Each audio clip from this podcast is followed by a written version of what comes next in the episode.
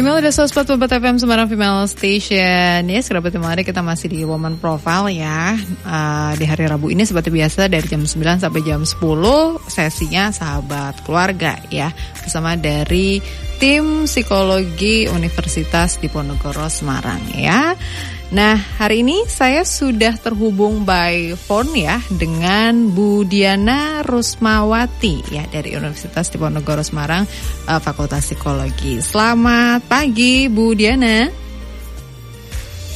Selamat pagi Mbak Dinar. Gimana kabarnya Bu Diana? Alhamdulillah sehat. Sehat ya, Sangat ya Bu sehat. ya, sangat sehat.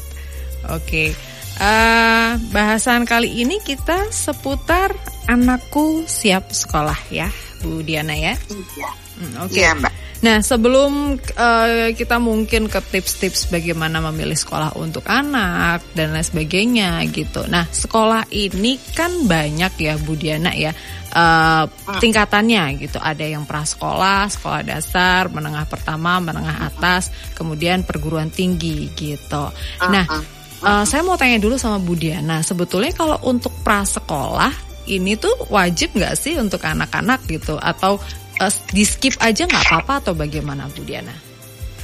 Oke, pertanyaannya sangat bagus hmm. ya. Dan uh, apa namanya ini juga banyak penelitian-penelitian mm -mm. ya tentang pentingkah mengikuti pendidikan prasekolah, iya, gitu ya. Mm -hmm. uh, uh, ya uh, mengingat sekarang itu banyak banget loh saya aja sampai ada yang sekolah untuk bayi ya oh. bayi usia sekian bulan mm-hmm. gitu ya terus saya pikir emang perlu ya iya, kalau sekian bulan oh, oh sekian mm-hmm. bulan udah di sekolahin mana harga uh, SPP-nya mahal Betul. ya jutaan mm-hmm. gitu ya nah kalau kalau menurut saya uh, sebetulnya perkembangan seorang anak hmm. itu kan yang pertama ya yang bertanggung jawab pertama itu kan sebetulnya orang tua. Iya betul. Nah ini sekarang kita melihat fenomena saat ini ya sebelum pandemi ya sebelum yeah. pandemi itu kan uh, orang tua bapak ibu ya terutama bapak ibu yang ada di rumah pada pagi hari itu kan bisa dihitung dengan jari ya sekarang. Mm -hmm. Mm -hmm. Ya situasi itu tapi memang ketika pandemi WFH tapi itu pun memunculkan problem betul begitu mm-hmm. ya nah kalau saya ya kalau saya dan ini dari uh, penelitian beberapa penelitian utamanya mm-hmm. yang saya soroti adalah prasekolah sementara oh, okay. kalau yang bayi itu menurut saya um, belum perlu ya oh. kalau bayi ya mm-hmm. karena mm-hmm. kalau saya melihat karena ada beberapa yang saya memang belum melihat secara secara turun ke lapangan belum, tapi mm -hmm. ada uh, yang keponakan uh, itu yang ikut. Saya tanya dia Pak ikut ternyata brain gitu ya. Mm -hmm. Artinya ya lebih pada stimulasi-stimulasi begitu ya, oh. ya, stimulasi lebih ke uh, otot seperti itu. Oke lah mm kalau memang seperti itu dan memang ada uang ya monggo saja mm -hmm. gitu. Mm -hmm. Tapi ini saya justru saya uh, ininya tuh ke sekolah karena saya memang tertarik ke anak-anak jadi hmm. dari beberapa penelitian yang sudah dilakukan ternyata ya tentang hmm. kesiapan sekolah antara anak SD yang mengikuti pendidikan TK dengan yang tidak mengikuti pendidikan TK prasekolah. Yeah. Hmm. Hasilnya menunjukkan bahwa anak SD yang sebelumnya memiliki mengikuti pendidikan prasekolah hmm. itu ternyata memiliki kesiapan sekolah lebih tinggi oh, dibandingkan okay. dengan yang tidak mengikuti pendidikan seperti mm -hmm. itu mm-hmm. ya jadi mm -hmm. jadi gini Mbak Dinar kalau kita melihat dari hasil penelitian itu ya uh, ternyata anak itu memang butuh loh yeah. persiapan persiapan uh, persiapan untuk masuk sekolah hmm. formal hmm. okay, begitu okay. karena di pendidikan prasekolah itu kan uh, belajar bersosialisasi yeah. seperti mm-hmm. itu mm-hmm. belajar bertanggung jawab iya, nah yeah, yeah, yeah. ini juga perlu di ini perlu dicermati juga ya mm-hmm. karena ada beberapa TK ya beberapa TK itu yang lebih menekankan pada calistung Oh, ya. Okay. Oh, uh, nah, padahal secara teori psikologi dan beberapa hasil penelitian itu nggak benar kalau calistung itu gitu loh. Hmm, hmm, nah, hmm, uh, uh, jadi yang penting itu bagaimana dia bersosialisasi gitu, oh, ya. Okay. Bagaimana dia ini bisa mengembangkan apa mbak uh, motorik motoriknya mbak mm -hmm. okay, motorik motoriknya motorik halus mm. Seperti itu ya karena kan nanti dia harus menulis nih iya iya betul ya? nah kalau saraf-saraf otot-otot di jari itu tidak dilatih mm -hmm. nah itu yang menimbulkan problem nanti oh. ketika dia di SD seperti itu mm -hmm. ya oh, jadi okay. nah itu yang penting di sini adalah metode pembelajaran Ya. Hmm. Jadi memang prasekolah itu tidak boleh duduk manis itu tidak boleh. Oh iya. Hmm. Hmm. Ya, jadi ya kalau kita uh, lihat kan bentuknya uh, apa istilahnya pojok-pojok gitu ya, klaster-klaster gitu. Iya, jadi iya, pojok pojok merah, pojok hijau, uh, mungkin Mbak Dina sudah dengan putra belum? Belum, Ibu. Jadi ini sekalian ya. Belajar kalau, ya. Uh, uh, belajar ya. Iya, nah itu observasi ke TK-nya. Mm -mm, mm -mm. Ya, jadi oh, di situ okay. ada semacam dibentuk lingkaran-lingkaran lah. Yang warnanya merah itu apel, mm. yang warnanya hijau itu jambu, banyak seperti itu klaster-klaster gitu. Nah, itu kemudian uh, si ibu guru ini metodenya tidak boleh yang kemudian ayo duduk manis itu nggak boleh oh, jadi okay. bermain hmm. bermain gitu jadi hmm. apa mau mau uh, kita mau ngajari bagaimana sih caranya berbagi oh, itu iya. itu merupakan hmm. anu salah satu kesiapan sekolah ya yeah. anak uh, ciri dari anak-anak yang siap sekolah ya di hmm. samping di samping uh, usia ya usia itu pasti ya di samping hmm. usia hmm itu juga bagaimana uh, apakah ya apakah dia bisa berbagi atau tidak. Oke. Okay. Mm. Begitu mm-hmm. ya. Kemudian uh, apakah dia masih tergantung sama orang tuanya. Oh, Seperti okay. itu ya. Apakah anak itu senang ngomong? Kalau kita kan kadang-kadang kalau anak serius itu, is kamu tuh ngomong terus diem toh, gitu ya. Kan ada ya uh, yang yang situasi seperti itu. Ada padahal itu nggak boleh hmm. gitu jadi biar mereka mereka mengungkapkan apa yang mereka rasakan hmm. ya.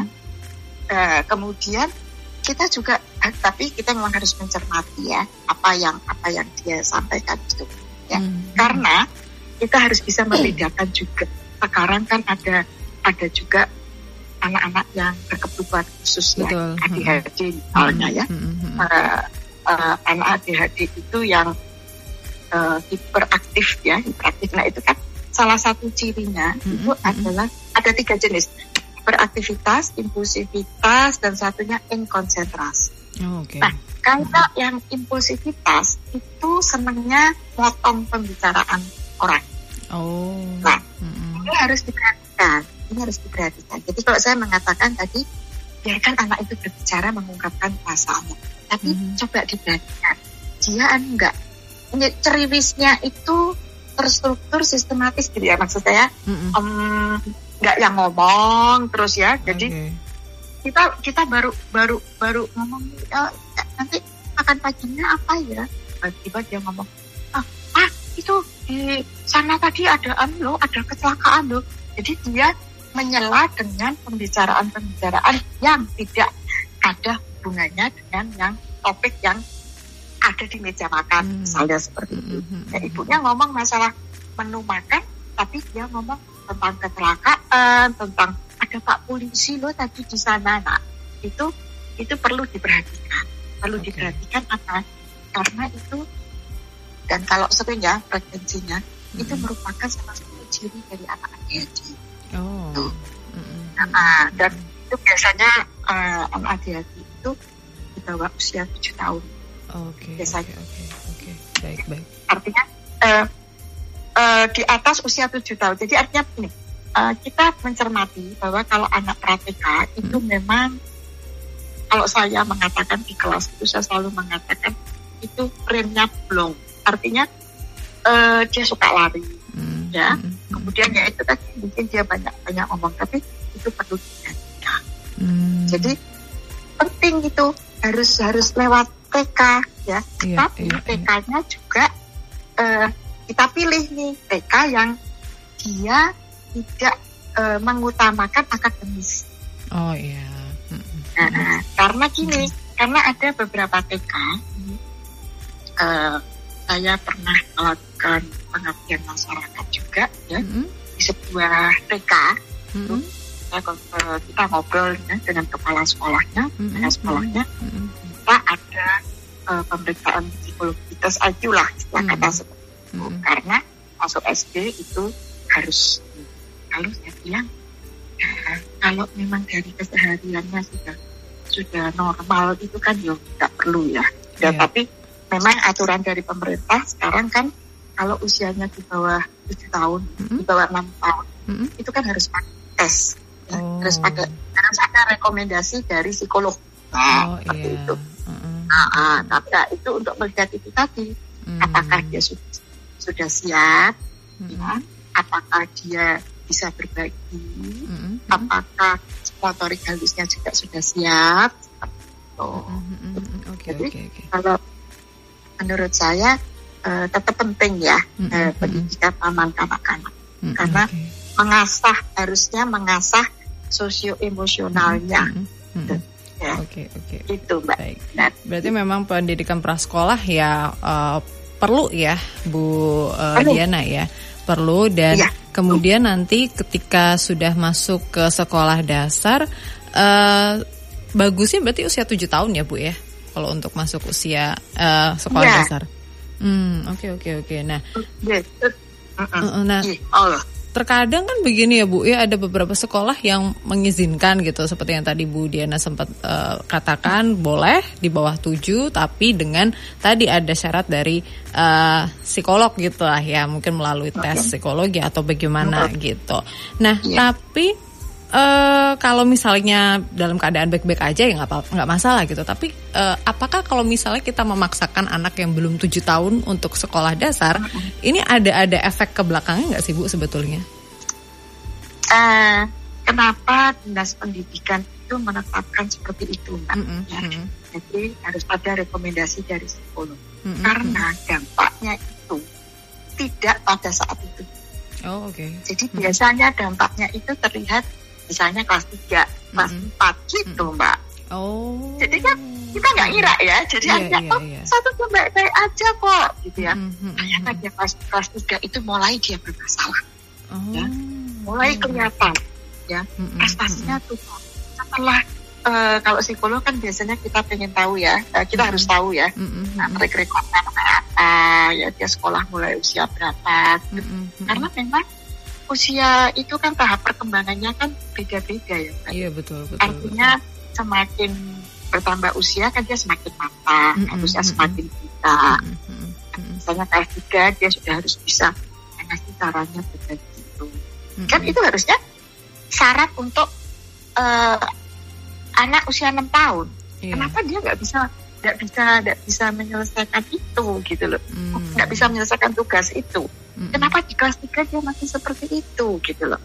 Nah, Oke. makanya eh, tentunya dinas pendidikan menetapkan itu juga tidak semata-mata ya. Mm-mm, mm-mm. Dan saya ingat betul itu adalah eh, waktu menterinya Bapak Fuad Hasan. Beliau kan Mm, psikolog iya, eh, iya. yang menetapkan bahwa kelas 1 SD itu usianya 7 tahun. Itu bukan karena semata-mata kepengen enggak, tapi Mm. itu memang dari dulu dulu. Dampaknya itu nanti kelihatan tidak di kelas 3 SD saja, mungkin dampaknya di SMP, SMA, perguruan Oh, tinggi. Mm-mm, Oh, oh. mm-mm. jadi, Oh. Eh, eh, anu sekali itu mbak, dampaknya itu terasa sekali. Mm-mm. Kalau orang awam kan mengatakan IQ-nya bagus kok, 130 Mm-mm, mm-mm. itu kan superior ya, Iya. 130 Mm-mm, mm-mm. pasti bisa lah. Oke, secara akademik bisa, Mm-mm. akan tetapi kan keberhasilan di sekolah itu tidak hanya akademis. Iya.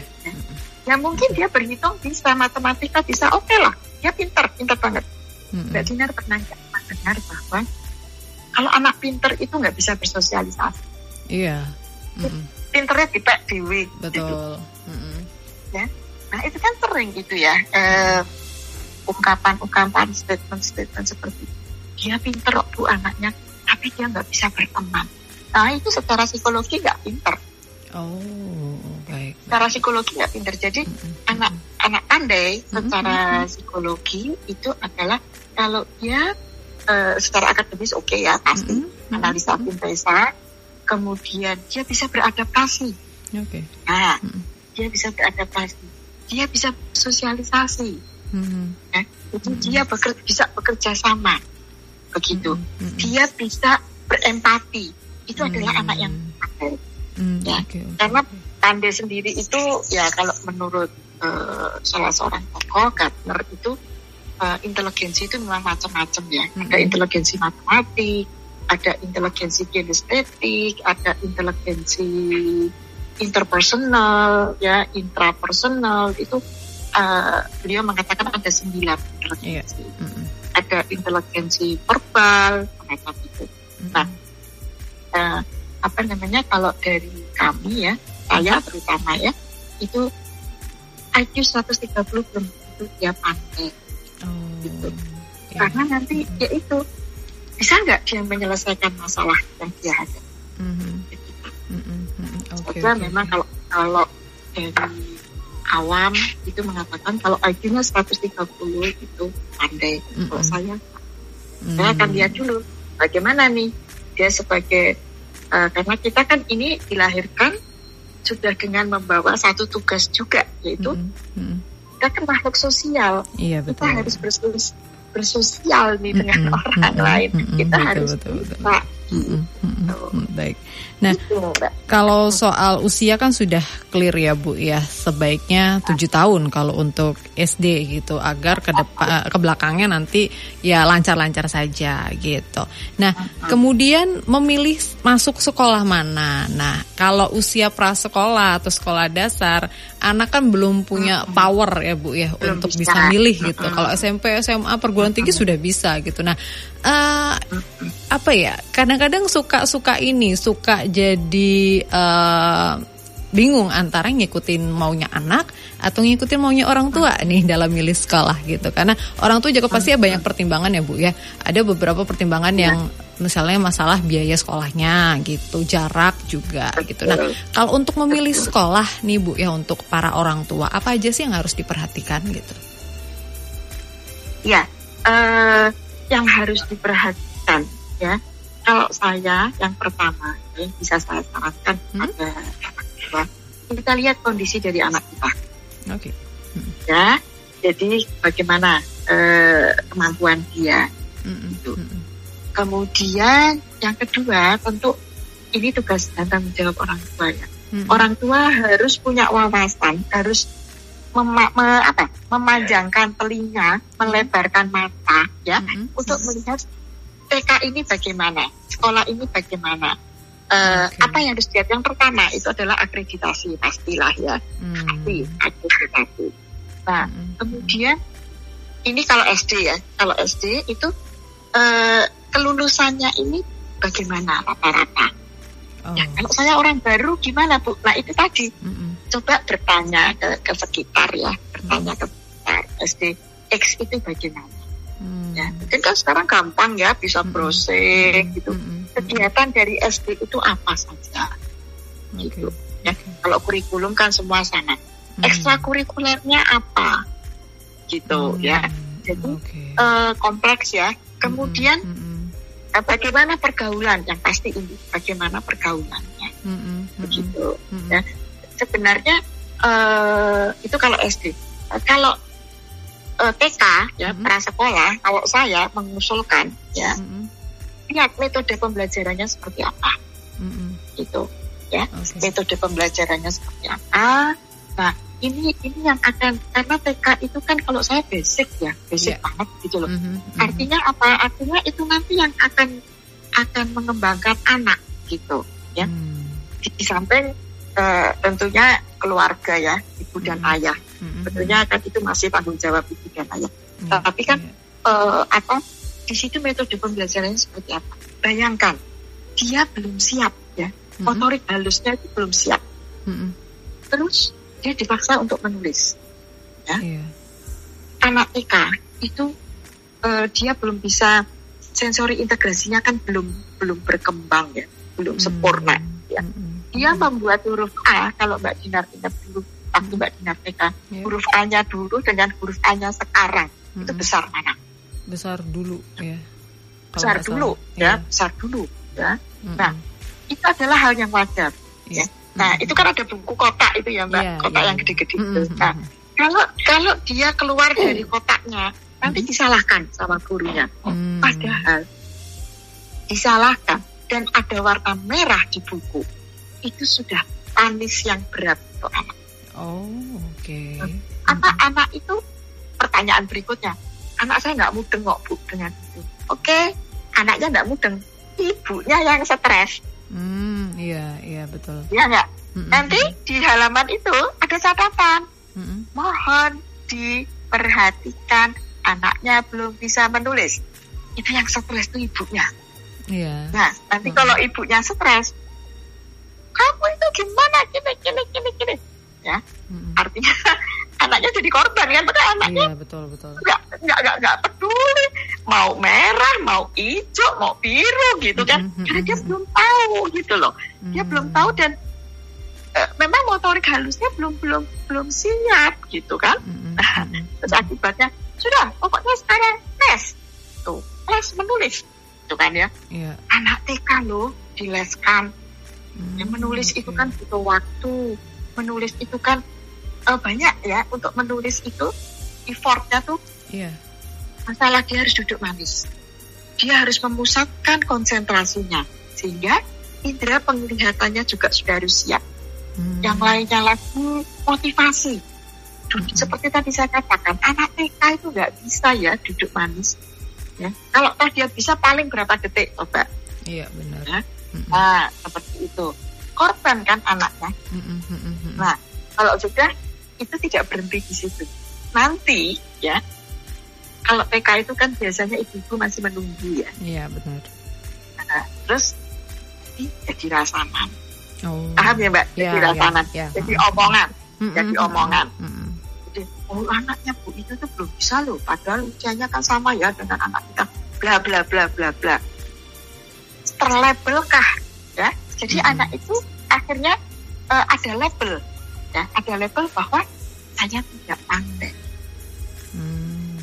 okay. ibunya lagi yang stres yeah. ya anaknya hmm. lagi yang jadi korban nah itu ya jadi lalu bagaimana sebetulnya kalau memang guru harus tahu ya guru harus tahu dan makanya saya menyarankan kalau untuk prasekolah lihat metode pembelajarannya ya uh, kalau dia banyak bermain, ya, artinya motorik halus itu kan bisa dengan misalnya nih mbak hmm main dakon. Oh iya. Main hmm dakon itu motorik halus. Ya. hmm Jadi itu kan uh, apanya itu bijinya itu ya, yeah. itu kan kecil-kecil. hmm Ya, itu kecil-kecil. Itu melatih melatih motorik halus, melatih konsentrasi, melatih berbagi, melatih hmm. untuk bisa duduk manis hanya dengan satu permainan ya kan itu dua orang yeah. nanti kan harus menunggu nanti kalau kalah kan dia harus oh it's okay lah aku kalah nggak apa-apa mm-hmm. seperti itu ya itu satu permainan yeah. nanti permainan yang apa uh, uh, puzzle misalnya mm-hmm. puzzle itu mengasah analisa ya oh, okay. mengasah motorik halus juga ya. mm-hmm. kemudian misalnya meniti meniti meniti itu uh, apa namanya melatih ke, keseimbangan ya melatih keseimbangan atau uh, belajar itu itu mbak apa mainan yang kayak meremas ya. Oh ya meremas. ah meremas. Uh, nyuci atau mm -hmm. meremas itu mm -hmm. uh, itu juga akan mem membantu membantu perkembangan sistem taktilnya Okay. Ya ini mm-hmm. perasa ini loh mbak, mm-hmm. ya, perasa. Mm-hmm. Nah ini uh, untuk membantu perkembangan itu ya, karena kalau ada gangguan di sistem taktil, kemudian vestibular dan proprioseptif mm-hmm. itu akan mengganggu, mengakibatkan kemampuan motoriknya terganggu. Oh, okay. gitu. Mm-hmm. Ya, nah, vestibular itu eh, apa namanya ya? Ya kalau berlebihan itu mm-hmm. anak akan takut dengan gerakan-gerakan sederhana, mm-hmm. misalnya naik ayunan, menolak digendong, takut okay. naik lift. Nah itu mm-hmm. itu eh, apa namanya? Kalau itu ada gangguan di vestibular. Nah, vestibular itu apa? Itu letaknya di telinga bagian dalam, Mbak. Mm-hmm. Jadi itu di uh, organ ya, fisik ya, fisik. Itu di telinga bagian dalam. Nah, ini sistem indera ini sangat berpengaruh ke keseimbangan tubuh manusia, gravitasi dan juga gerakan-gerakan. Jadi ini yang yang me, me, vestibular itu yang menjaga keseimbangan seseorang ketika bergerak. Hmm. Ini kan penting hmm. ya untuk nanti ketika dia uh, harus mengikuti proses pembelajaran di SD, misalnya hmm. olahraga, hmm. Hmm. misalnya seperti itu, hmm. atau uh, apakah dia bisa uh, duduk tegak? Yeah. Nah, itu kalau dia ada gangguan di situ hmm. sulit ya. Hmm. Itu. Oke oke oke. Nah, atau juga proprioceptif ini uh, kesadaran tubuh, informasi tentang posisi anggota tubuh. Mm -hmm. ya. Jadi itu juga juga juga perlu ya. Mm -hmm. Nah ini akan berpengaruh uh, ke motorik halus, ya, seperti menulis, mm -hmm. nah itu menggambar, ya pokoknya yang dia membutuhkan uh, motorik halus. Mm -hmm. Oke okay, baik. Ternyata anu ya rumit ya. Iya banyak sekali ya Bu yang harus diperhatikan gitu. iya. Bu Diana, nah, uh, kita ada pertanyaan di WhatsApp kita mungkin boleh jawab. Uh, mungkin Bu Diana bisa oh, jawab iya. dengan uh, singkat ya Bu ya. Nah, ada ya. dari Lile ya, Mbak Lile di Logosari. Terima kasih. Saya mau bertanya ya. Jadi saya punya dua putri. Uh, putri pertama masuk SD ketika usianya 6 tahun. Kebetulan sekolahnya di sekolah swasta dan sekarang sudah masuk di kelas 6. Hanya hanya yang saya perhatikan perkembangan fokus dan sosialnya ini agak terkendala gitu. Apa yang harus kami lakukan sebagai orang tua untuk mengasah kemampuan tersebut gitu. Kalau mau konsultasi di mana? Apa bisa konsultasi sama uh, Bu Diana gitu? Silakan Bu. Iya, ya, terima kasih Bu Lili. Lili. Lili. Ya, uh. mm -mm. Lili. Oke. Okay. Uh -uh. Ya, sebetulnya uh, apa namanya untuk nah, mengembang sosial sosial uh, tidak tidak terlalu sulit uh, dilihat saja hobinya apa yang pertama okay. ya kemudian kalau misalnya kita upayakan kita usahakan mm-hmm. memberikan kegiatan-kegiatan yang itu sifatnya bersama oh oke okay. uh, jadi uh, misalnya dia senang main musik misalnya mm-hmm. ya mm-hmm. nah mm-hmm coba uh, misalnya itu dilakukan secara berkelompok yeah. gitu. Mm-hmm. Kalau misalnya les gitu ya les dileskan gitu, tapi jangan yang jangan yang sendiri, tapi yang berkelompok. Oh, okay. Misalnya nih, kan ada nih di uh, ini, ini pengalaman saya ya di sebuah sekolah musik itu ada yang privat, ada yang kelompok.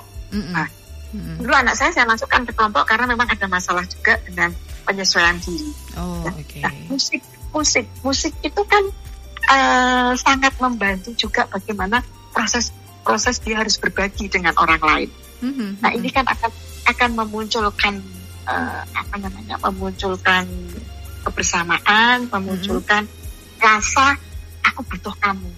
Oh, gitu. Yeah. Mm-hmm. Gitu. Itu itu yang paling mudah, mm-hmm. paling mudah. Mm-hmm. Jadi okay. carikan kegiatan-kegiatan yang itu dia jangan sendirian, tapi harus ada. Hmm, oke oke oke baik. Uh, tapi kan pasti iya. itu tidak tidak mudah ya, Bu uh, Diana ya.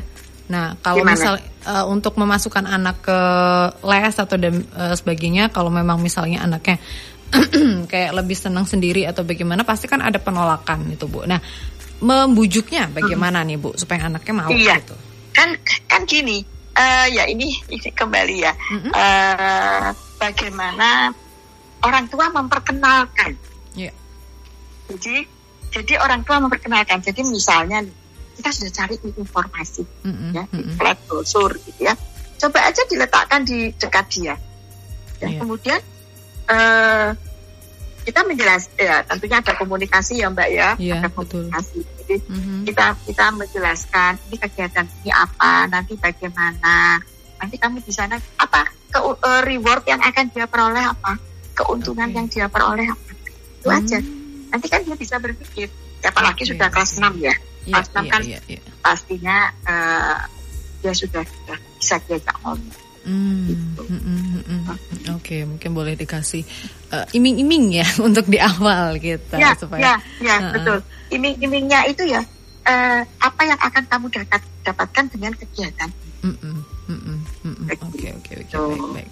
Baik, terima kasih. atau kalau enggak sering anu aja sering diajak pergi Oh iya. sering diajak Mm, mm. diajak jalan ke rumah bude ke rumah eyang ke Mm-mm. rumah tetangga gitu Mm-mm. itu juga yang paling mudah Iya betul betul betul baik. Terima kasih Mbak Leli sudah gabung di WhatsApp ya dan Bu Diana juga terima kasih sekali sudah berbagi uh, banyak insight dan juga uh, ilmu yang Bu Diana kasih untuk hari ini. Semoga minggu selanjutnya bisa ketemu lagi ya Bu ya dengan topik bahasan lain Bu Diana. Terima kasih Insya Bu. Diana. iya sama-sama semoga pagi. bermanfaat Amin. Selamat pagi Bu Diana. Assalamualaikum. Waalaikumsalam Oke, kerabat Imada. Sudah tadi kita ngobrol bersama dengan Bu Diana Rusmawati ya dari uh, Oke, sorry. dari Universitas Diponegoro Semarang ya. Nah, lanjut lagi buat saya temenin Anda di Woman Profile kerabat Imada bersama dengan lagu-lagu nostalgia barat dan juga Indonesia. So stay tune.